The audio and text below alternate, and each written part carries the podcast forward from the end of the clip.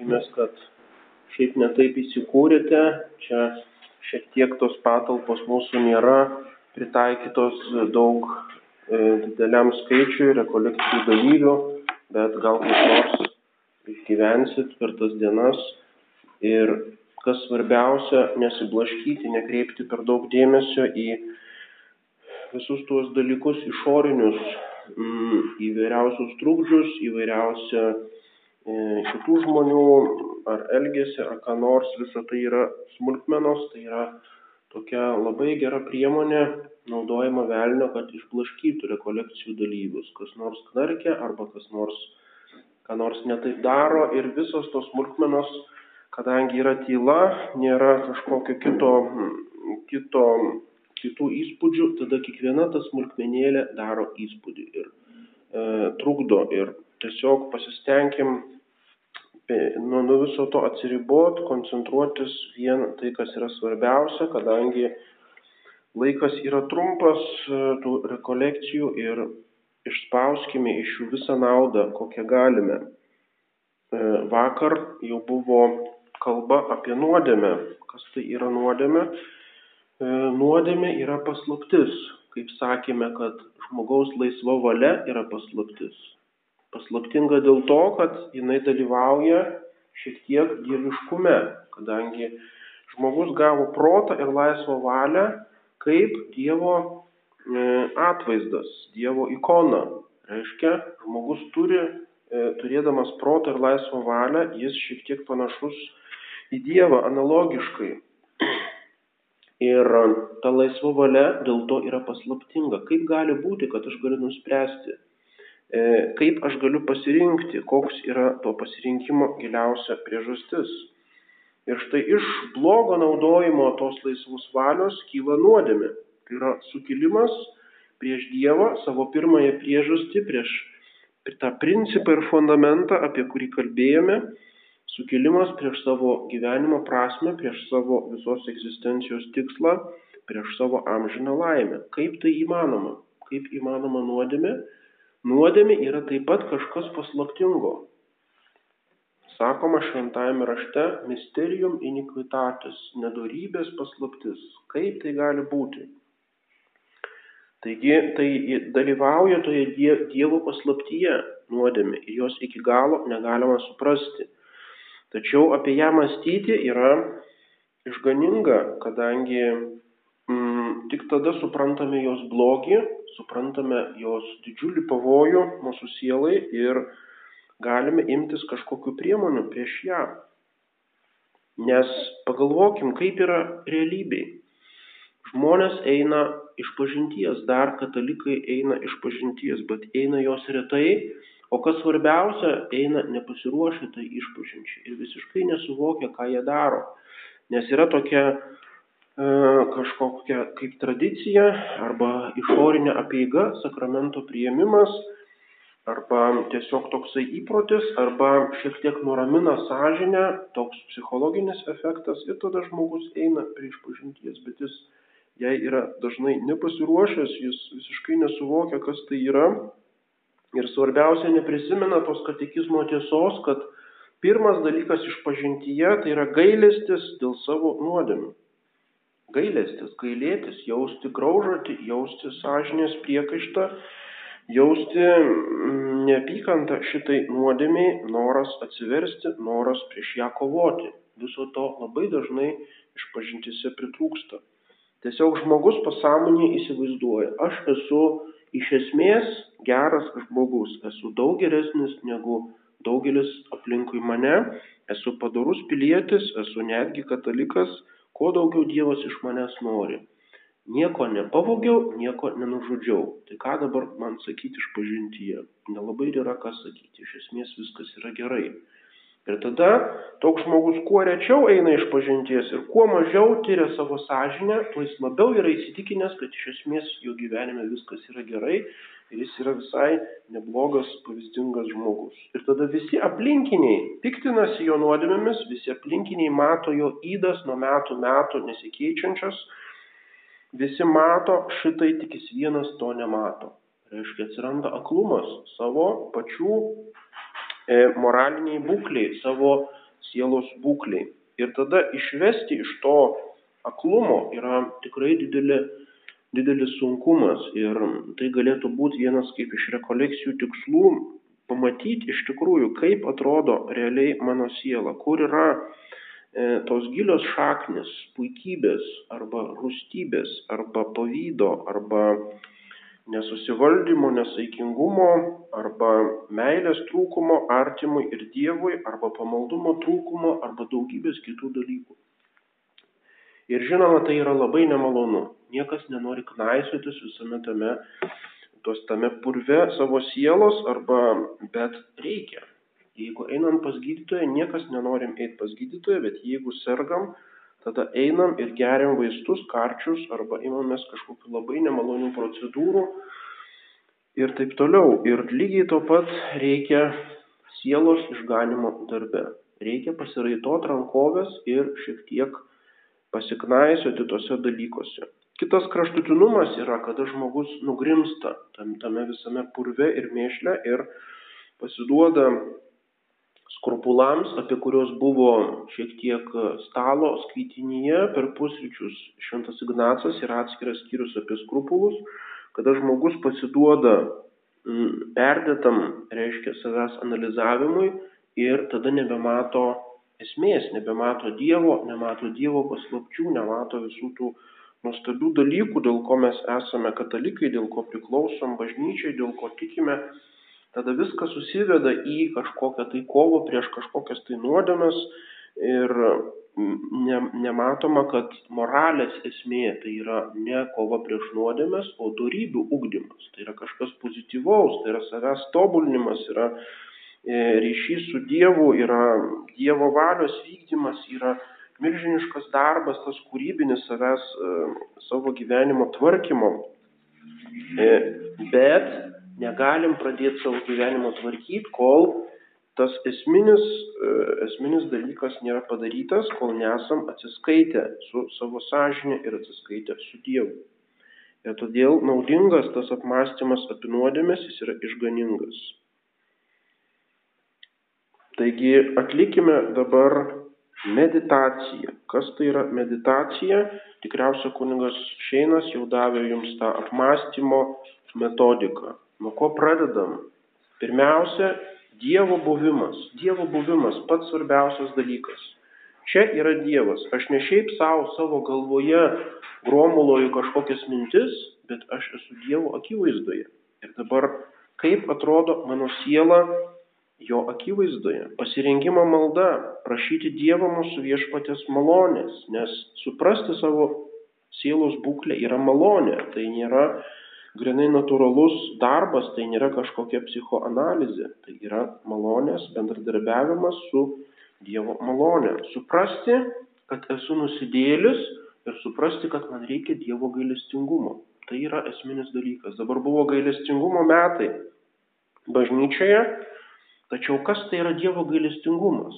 Kaip mes iš vis galim kalbėti apie Dievo gailestingumą, jeigu nesuvokiam, kad mūsų reikia pasigailėti, kad esam apgailėtini, kad mums reikia pasigailėjimo ir atleidimo, kad mes esam nusidėjai. O apie tai dėja e, kalbos buvo nepaprastai mažai, tuose metuose beveik apie tai nesigirdėjo.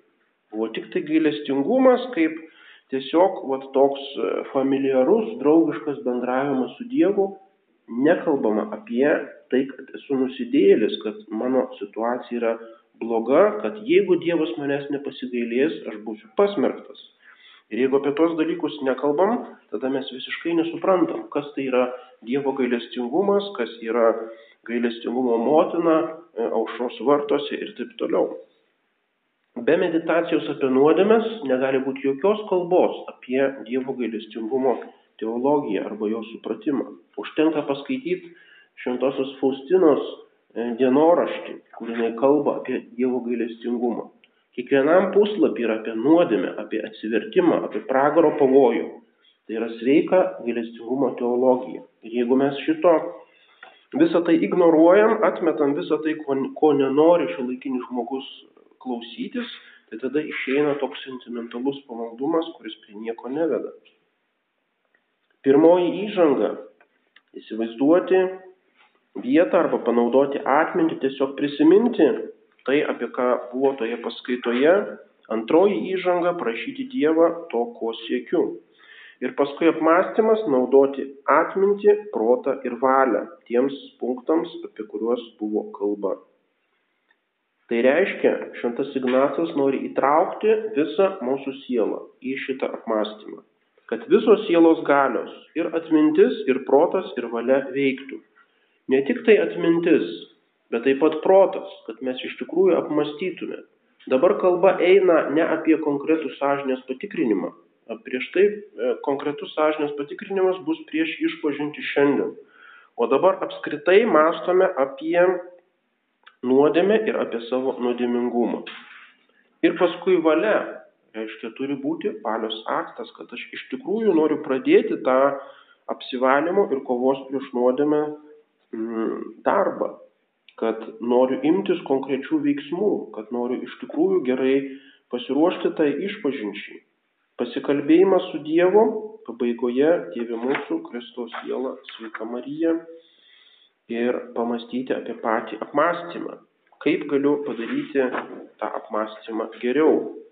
Taip kaip fizinėse pratybose mažai naudos iš fizinių pratybų, jeigu treneris arba pats sportininkas neanalizuoja. Tarkim, lengvatletis bėga šimtą metrų ir tada analizuoja, ar jis teisingai statė kojas, ar jis apskaičiavo savo kvepavimą, ar jis apskaičiavo pagreitėjimą ir visus tus dalykus. Jeigu nėra analizės, treniruotės, tada aš negaliu sekančioje treniruotėje išvengti šitų klaidų.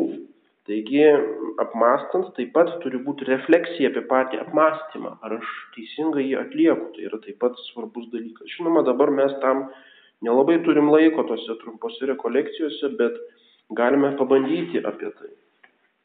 Tai dabar antroji pratyba, punktas e, numeris Švento Ignaco knygoje, 55 numeris. Antroji pratyba apie meditaciją apie nuodėmes. Pasirinkimo malda ir dviejų įžangų, apie kurias minėjome, tai yra prisiminimas ir prašymas Dievo malonės, penki punktai. Žinoma, visiškai nebūtina visus tuos penkis punktus suspėti per tą meditaciją, galima pasirinkti vieną ar du iš tų punktų, tiesiog čia pateikė Šventas Ignacas medžiagos mums. Ko prašyti? Prašyti didelio ir gilaus skausmo bei ašarų dėl savo nuodėmių. Gilaus skausmo ir ašarų dėl savo nuodėmių. Žinoma, ašaros, sakoma, kad tai yra dovana, tai yra Dievo malonė, jeigu aš galiu e, su jausmu iš tikrųjų būti sukrestas savo nuodėmingumo. Dažnai mes to nepajėgėme, nereikia to dirbtinai daryti, tai yra Dievo malonė. Jeigu nejaučiame skausmo dėl savo nuodėmių, tai turėtume gailėtis dėl to, kad nesigailim. Dieve, gailiuosi, kad turiu per mažai gailesčio dėl savo nuodėmių. Pirmas punktas - nuodėmių tiekmė. Reikia atsiminti visas gyvenimo nuodėmes, peržvelgiant metus po metų ar laikotarpį po laikotarpio. Peržvelgti vietą ir namus, kur gyvenau, santykius su kitais, pareigas, kurias turėjau. Dabar vėlgi tai nėra konkretus e, sąžinės tikrinimas, tiesiog tai, kas pirmiausia ateina į atmintį iš mūsų gyvenimo. Didžiausi mūsų e, prasižengimai ar nusižengimai šitame gyvenime, kaip buvo mano jaunystėje, kaip buvo vėliau, kaip yra dabar, santykiai su artimiausiais žmonėmis, mano pareigos, mano santykis su Dievu, galbūt kažkada buvo nuodėmingas gyvenimas, paskui buvo atsivertimas ir panašiai. Tiesiog bendras nuodėmių tikmė, bendras dalykas. Kam tai reikalinga? Tam, kad suvoktų, suvokčiau, esu nusidėlis. Tai yra toks fundamentalus krikščioniškas, krikščioniška laikysena, kad esu nusidėlių būklėje arba esu nusidėlių luome, esu tos kategorijos žmogus, reiškia, aš nesu padorus, geras katalikas, kuris atsitiktinai, akcidentiškai kažkada tai nusideda šiek tiek, paskui eina iš pažinties vėl ir vėl viskas tvarko. Bet mano būklė, bazinė būklė, išeities taškas yra, kad aš esu nusidėlis. Ir tik tai kartais išimties tvarka kažką gero nuveikiu šitame gyvenime. Tokia yra perspektyva katalikiško požiūrio. Taip žiūrėjo į save šventieji, kurie sakydavo apie save, aš esu nusidėlis, Dieve atleisk man. Ir tada kiti žmonės sakydavo, ką tu čia šneki, esi pavyzdingas žmogus, kaip gali vadinti save nusidėliu, tikriausiai esi veidmainis, tikriausiai įsivaizduoji, kad, reiškia, taip kalbėdamas kažkaip tai parodysi, kad esi, e, esi nuolankus. Nieko panašaus. Šventasis ir tuo ir skiriasi nuo eilinio žmogaus, kad jisai iš tikrųjų realiai suvokia savo sielos būklę. O visi kiti gyvena šiek tiek rūkę, migloje ir iliuzijose apie save. Taigi, pirmoji ir pagrindinė krikščionio malda yra Kyrija Eleison, viešpati pasigailėk. Jis yra visų litanijų pradžioje, jinai yra šventųjų mišių pradžioje arba rytų liturgijoje Gospodį pamylui. Tūkstantį kartų kartoja per, per visas apeigas, ypač gavėnios apeigose rytų liturgijoje yra vadinamieji paklonai, reiškia nusilenkimai, kada kartojamas tas Gospodį pamylui ir, reiškia, puolama ant kelių ir nusilenkiama iki žemės. Panašiai kaip musulmonai daro savo maldoje, musulmonai nukopijavo nuo krikščionių, reiškia, perėmė šitą šitą nusilenkimą, turime nusižeminti prieš Dievą, turime pulti į dulkes šito, šitos žemės, į dulkes, iš kurių esame sutverti, nes esame dar niekingesni už tos dulkes, kadangi esame nusidėliai, kadangi sukilome prieš Dievą. Antras punktas - pasverti nuodėmių sunkumą, atkreipti dėmesį kiekvienos padarytos nuodėmės bjaurumą ir blogumą, net jei ji nebūtų uždrausta. Net jei ji nebūtų uždrausta, nes labai dažnai nusidėlis įsivaizduoja, kad Dievo įsakymai arba Dievo teisė tai yra taip kaip panašiai kaip valstybinė teisė, kur kažkokie tai politikai ar teisininkai įveda tam tikras normas, kurių aš sukandęs dantis turiu laikytis, kadangi kitaip gausiu per galvą arba ateis mokesčių inspekcija arba ateis kažkokia kontrolė. Tokios taisyklės taip pat yra reikalingos, nes jos e, kažkaip disciplinuoja visuomenės gyvenimą, tačiau tų taisyklių pažeidimas nėra iš esmės moralinė nuodėmė. Tai yra tiesiog turiu laikytis tam tikrų, tarkim, eiti per gatvę, per raudoną šviesą, jeigu nėra kitų mašinų, einu. Jeigu manęs policija nepagauna, nu tai tada pereinu ir nieko neatsitinka, ir čia jokia nuodėmė.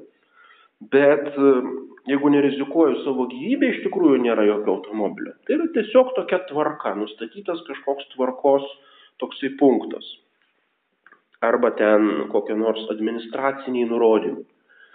Visai kas kita yra moralinė nuodėmė, kada aš iš tikrųjų greunu moralinę tvarką, greunu e, ir būtent mes labai dažnai įsivaizduojam, kad jeigu aš darau kažką, tai tai yra tik tai va tokių taisyklių nusižengimas taisyklėms.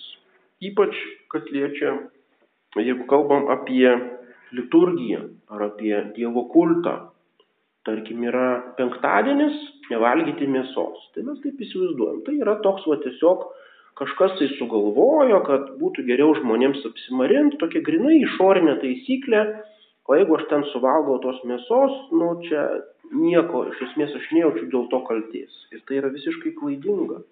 Visai aš klaidingai tada vertinu visai kitą moralinę kategoriją, įrušiuoju savo nuodėmes.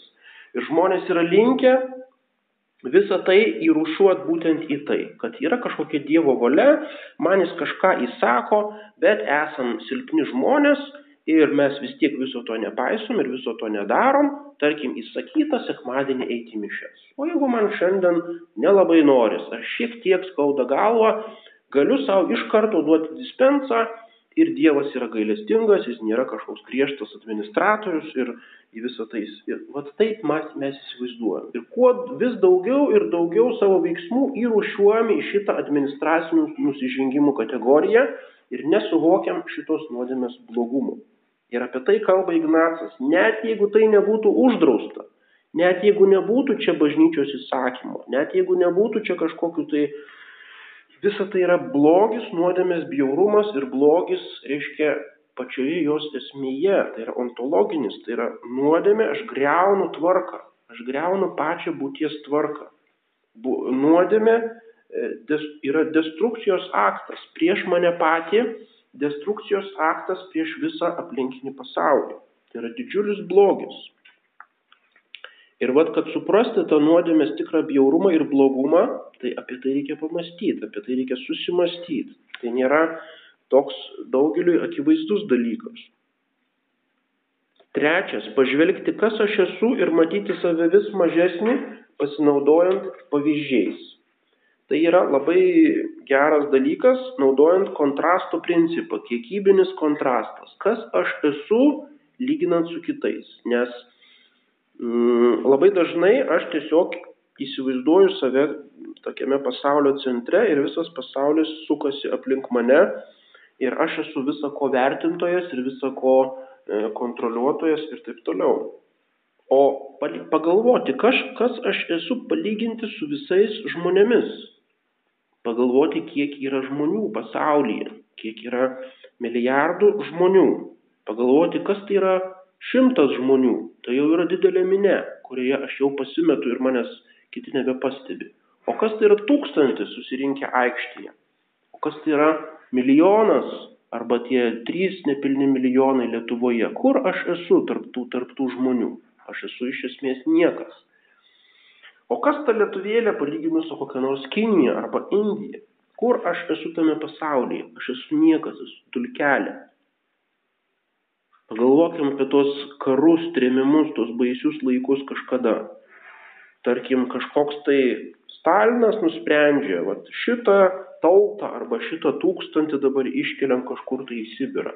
Ir kad ten nu, nubyra keli tūkstančiai, numiršta pakeliui, tai yra tokia, tokios dulkės, tokia smulkmė žmogaus gyvybė. Tai yra tokia šiukšlė, visiška, visiškas niekas tų žmonių akise. Reiškia, taip jie įsivaizduoja. Reiškia, mano gyvenimas, mano gyvybė, mano viskas. Esu visiškas, visiškai tuščia vieta palyginus su tuo kiekiu, kiekybiškai. Dievo akise yra visiškai kas kita. Dievui svarbi kiekviena siela. Bet aš, būdamas toks niekis palyginus su kitais žmonėmis, drįstu nusidėti, drįstu sukilti prieš Dievą, drįstu lyginti, matuoti savo jėgas su Dievu. Tai yra baisiausia puikybė. Kaip aš galiu nusidėti, jeigu esu toksai menkas? Arba kas yra žmonės palyginti su visais rojaus angelais ir šventaisiais? Pažvelgti, kas yra visa kūrinyje, palyginti su Dievu, o aš pats vienas, kas te galiu būti? Žvelgti į visą savo sugėdimą ir kūno bjaurumą žvelgti į save kaip į žaizdą ir pūlinį, iš kurio kyla tiek daug nuodėmių, tiek daug blogybių ir tiek daug baisiausių nuodų. Tai yra blogis ir visų nuodėmių pirmoji nuodėmė ir šaltinis yra puikybė, kada tas menkas tvarinys e, bando lyginti save su Dievu ir bando spręsti, kas yra gėris ir blogis, kaip, kaip jį sugundė žaltys, kai jisai sukyla prieš jį. Kas yra nuodėmė, tai yra maištas, maištas ir sukilimas ir revoliucija prieš Dievą. Kiekviena mirtina nuodėmė. Tai nėra menkas toksai taisyklių pažeidimas arba menkas nesusipratimas arba tiesiog mano silpnumas, bet tai yra maištas ir revoliucija prieš Dievą. Menko tvarinio sukilimas prieš kurėją. Tai yra nuodėmės paslaptis.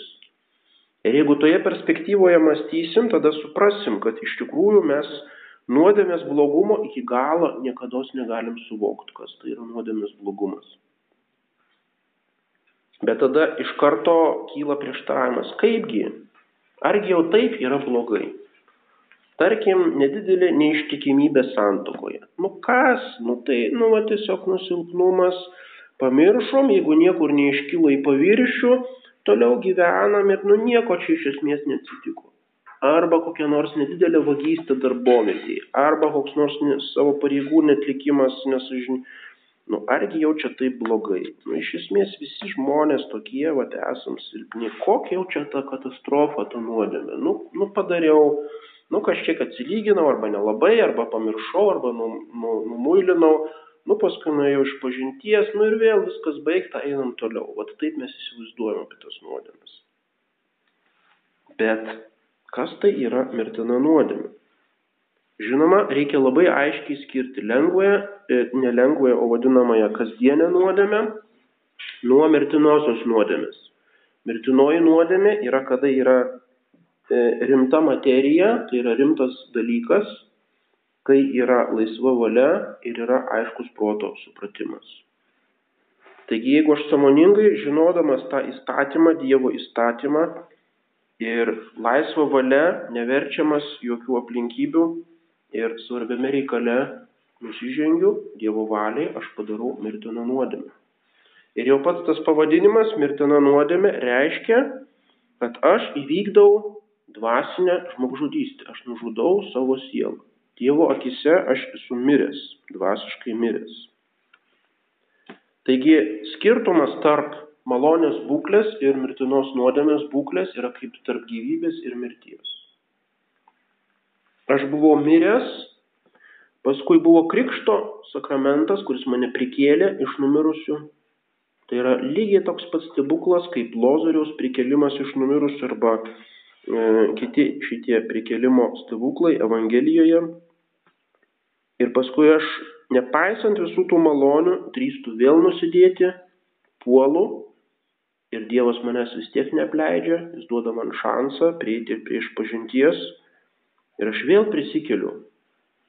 Čia ne taip kaip ligonis, kuris pasveiksta, netgi ne taip kaip prijungtas prie aparatų komoje esantis, jis dar yra gyvas, bet jeigu jį gydytojai su elektrošoku šiaip taip pabudina, tai jau yra didelis įvykis ir stebuklas. O žmogus jau buvo beveik pas Abraomą, o dabar mes jį atkurtėm ir dabar jis vėl gyvena. Jau jis visą tą atsimins visą savo gyvenimą likusi. Mane prikėlė vos ne iš numirusių. O kas yra išpažintis? Tai yra dar radikaliau. Aš buvau iš tikrųjų numiręs, aš buvau tikrai lavonas, palaidotas, viskas jau buvo ir buvo prikeltas iš numirusių. Ir mums tai nedaro įspūdžio, mes vėl nusidedam, mes vėl einam iš pažinties ir taip be galo. Taigi mes nesuvokiam mirtinos nuodėmės blogumo. Bet vėlgi, kodėl ta mirtina nuodėmė tokia bloga? Kodėl jinai nužudo mano sielą? Kas čia, kas čia tokio jau labai tragiško? Todėl, kad mes nesuprantam, kad nuodėmės blogis matuojamas ne tik tai pačios nuodėmės aktu, pačia ta materija, ką aš blogo padarau, bet ir asmeniu, prieš kurį aš nusižengiu. Tai yra įstatymo leidėjų arba tuo asmeniu, kurį aš įžeidžiu arba padarau neteisybę jo atžvilgiu. Tai yra viena nusižengti lygiam savo žmogui, Antra yra nusižengti viršesniam už save arba privilegijuotam. Tarkim, viena yra įžeisti paprastą žmogų, kita yra įžeisti valstybės atstovą, tarkim, prezidentą. Arba visai kitas nuodėmės lygmuo yra įžeisti e, pašventintą asmenį, kuris pašvestas Dievui, arba bažnyčios atstovą. O ką reiškia įžeisti tvariniui, įžeisti tvėrėją, įžeisti Dievą?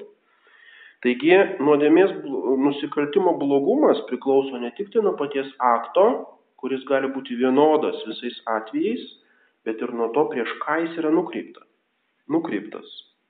Ir štai moralinė nuodėmė, mirtina nuodėmė yra nukreipta prieš asmenį, kuris be galo viršesnis už mane kur ta distancija yra neišmatuojama ir begalinė. Nes aš esu tvarinys, o jis yra tvėrėjas. Ir štai jeigu aš įžeidžiu tą, kuris yra aukščiausias majestotas, aukščiausia didybė, reiškia, mano nuodėmė įgauna begalinį, begalinį aspektą, begalinį blogį. Tai yra nuodėmės paslaptis, nes nuodėmė yra kažkas begalinio, kažkoks begalinis totalus blogis. Viena mirtina nuodėmė. Ir štai dėl vienos mirtinos nuodėmės neatleistos žmogus visiškai pateisinamai ir teisėtai ir teisingai ir nenusižengiant nei Dievo teisingumui, nei gerumui yra pasmerkiamas pragarui, amžinam pragarui. Taigi, nesuprasdamas nuodėmės blogumo, aš negaliu suprasti visos teologijos apie pragarą, katalikiškos teologijos apie pragarą. Apie tai gal bus kitoje, kitoje paskaitoje. Svarstyti, kas yra Dievas, prieš kurį nusidėjau, pradedant nuo jo savumų ir lyginant juos su jų priešybėmis savyje. Taigi, tas apmąstymas buvo labiau kiekybinis, pažvelgti, kas aš esu, palyginus su žmonėmis, su angelais, su Dievu, labiau kiekybinis, o dabar labiau kokybinis. Svarstyti, kas yra Dievas, prieš kurį nusidėjau, lyginant jo išmintį su savo nežinojimu. Dievo išmintis. Dievas žino. E, tai yra be galo išmintingi, yra jo įstatymai ir Mm, jo įsakymai, jo moralinė teisė, kuri yra įrašyta į mano sąžinę, jinai yra be galo išmintinga. Ir tai, kaip Dievas veda mano gyvenimą, jo apvaizda, tai taip pat yra didžios išminties darbas. O aš viso to nežinau, aš esu kaip aklas, kuris grabinėjas aplinkui. Ir aš drįstu prieštarauti jam, drįstu nesutikti su jo valia, drįstu atmesti jo įstatymus lyginti jo visagalybę su savo silpnumu. Jis yra visagalis Dievas, omnipotens. O aš esu bejėgis tvarinys. Ir drįstu jam pasipriešinti, visiškai neįvertindamas savo silpnumo. Jo teisingumą su, tavo, su savo neteisingumu, jo gerumą su savo nelabumu. Tas kontrasto principas - lyginti Dievą su savimi, kas aš esu. Ir penktas, pilnas nuostabos ir susijaudinimo šūksnis žvelgiant į visus kūrinius, kurie leido man gyventi ir išlaikė gyvą. Angelai, nors yra dieviškojo teisingumo kardas, mane pakentė, saugojo ir meldėsi už mane. Kiekvienas turime savo angelą sargą. Ir įsivaizduokime tą angelą sargą, kuris yra nepalyginamai tobulesnė būtybė ir tvarinys negu žmogus, kuris, kuriam pavesta mane saugoti, su kokiu pasibaisėjimu ir pasibjaurėjimu jis turi mane sergėti, matydamas, kad aš esu Dievo priešas, kad aš prieštarauju Dievui. Bet jis mane vis tiek pakenčia, saugo ir meldžiasi už mane.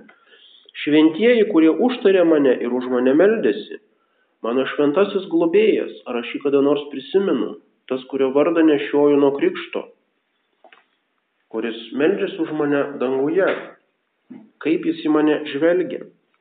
Dangus, saulė, menulis, žvaigždės ir elementai, vaisiai, paukščiai, žuvis ir žvėris ir žemė, kaip jie neatsivėrė manęs praryti ir nesukūrė naujų pragarų, kad juose amžinai kankintų. Juk visi šitie tvariniai, paukščiai, žuvis, žvėris, menulis, žvaigždės, turim pagalvoti, koks jų yra skirtumas nuo mūsų.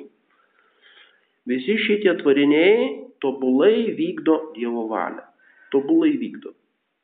Pasižiūrėkim, kur nors pievoje karvė. Jis atrajoja, ėda, jinai šimtų procentų per savo dieną įvykdo Dievo valią, kuri numatyta jai.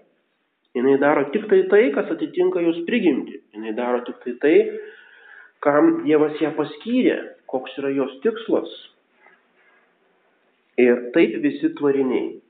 Bet žinoma, visi tie tvariniai neturi proto ir laisvos valios ir tai yra jiems nedidelis nuopelnas, kadangi jie visą tai vykdo automatiškai, iš instinkto ir nėra labai didelės Dievo šlovės iš to. Tačiau mes esame nepaprastai žymiai aukštesni už juos, tobulesni už tuos visus tvarinius. Bet nusileidžiame žemiau negu jie, nes visi tie tvariniai vykdo Dievo valią o aš nevykdau jos, aš sukylu, aš nepanaudoju tų ypatingų Dievo dovanų, kurios man, man duotos, kad daugiau pagarbinčiau Dievą negu Saulė, Menulis, paukščiai, žuvis ir žvėris. Taigi visa tvarinyje, kaip sako paštalas Paulius, dūsauja dėl žmogaus nuodėmės. Kaip yra sunku nešioti ant žemės, žemėje nešioti tuos nusidėlius, kurie iš esmės juk yra karaliai, tvarinyje yra paskirtas žmogui. Žmogus yra tvarinijos valdovas ir karalius.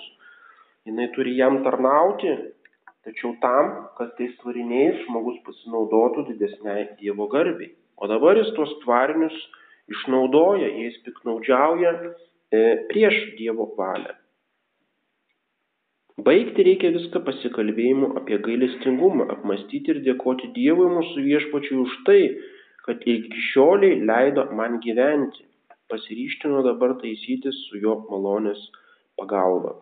Tai yra tikslas tų visų mūsų apmąstymų - išsigasti dėl savo nuodėmės, bet taip išsigasti, kad tai paskatintų mąstyti apie Dievo gailestingumą, kad kreiptumės į Dievo gailestingumą ir kad dėkotume jam, kad dar leido mums gyventi lygi šitų rekolekcijų, kad leido mums dar atgailauti, kad davė mums laiko taisytis ir su jo malonės pagalba mes galime iš tikrųjų pasistengti mm, pagerinti savo sąžinės sąskaitas, skirti daugiau laiko, šiek tiek, tai irgi juk nėra labai sunkus dalykas. Gerai pasiruošti išpančiai. Ką tai reiškia?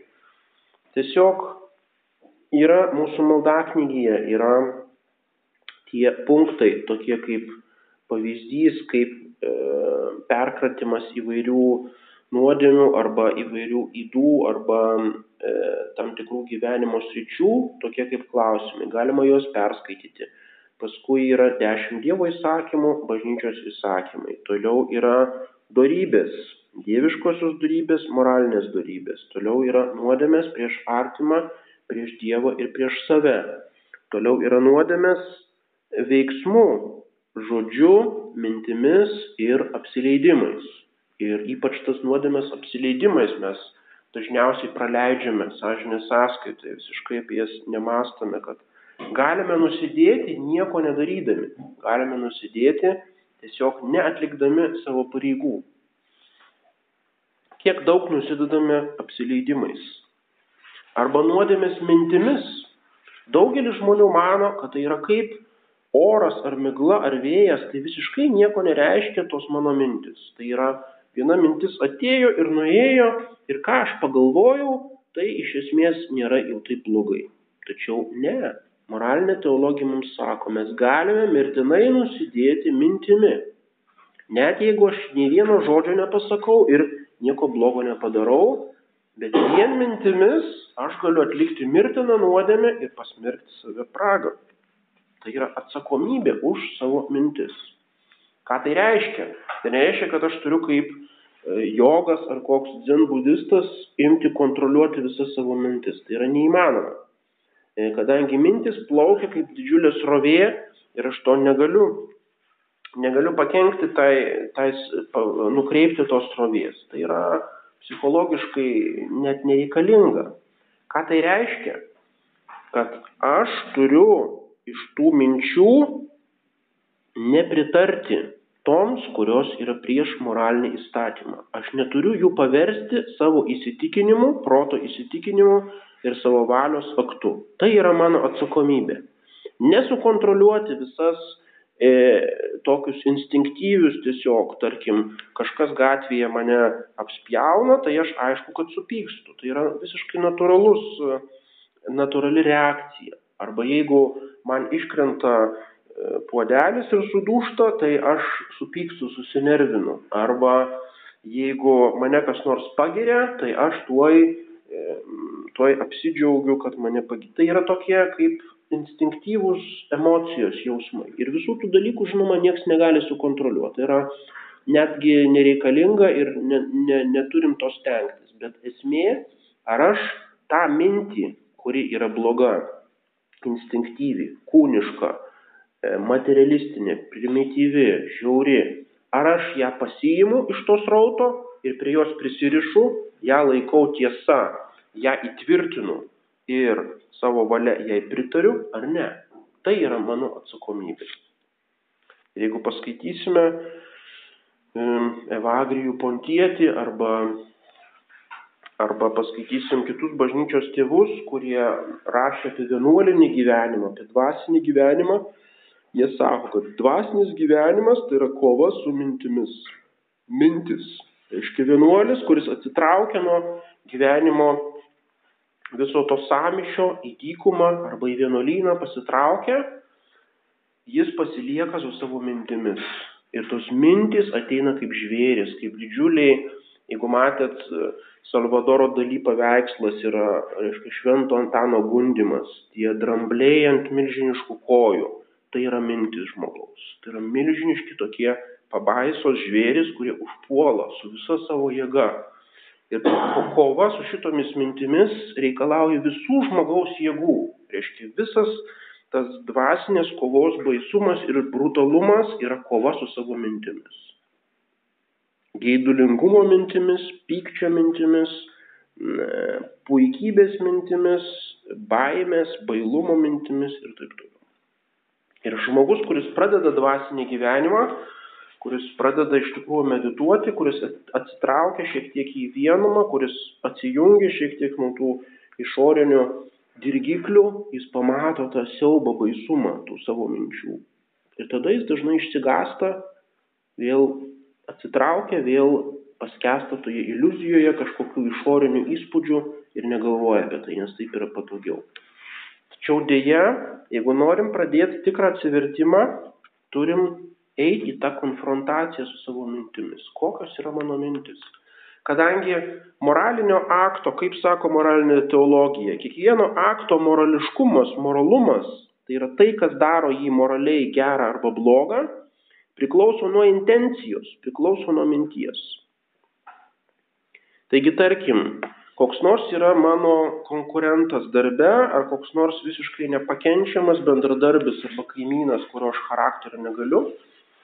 Ir jeigu tos mintis normaliai kyla jos priešiškumo visą tai, bet jeigu aš joms pritariu ir visiškai su pilna e, proto supratimu palaikau tas mintis ir turiu tą valios aktą, kad tas žmogus yra nepakenčiamas ir aš norėčiau, kad jo nebūtų, aš atlieku morališkai tokią pačią nuodėmę, kaip jį nužudydamas arba užmušdamas.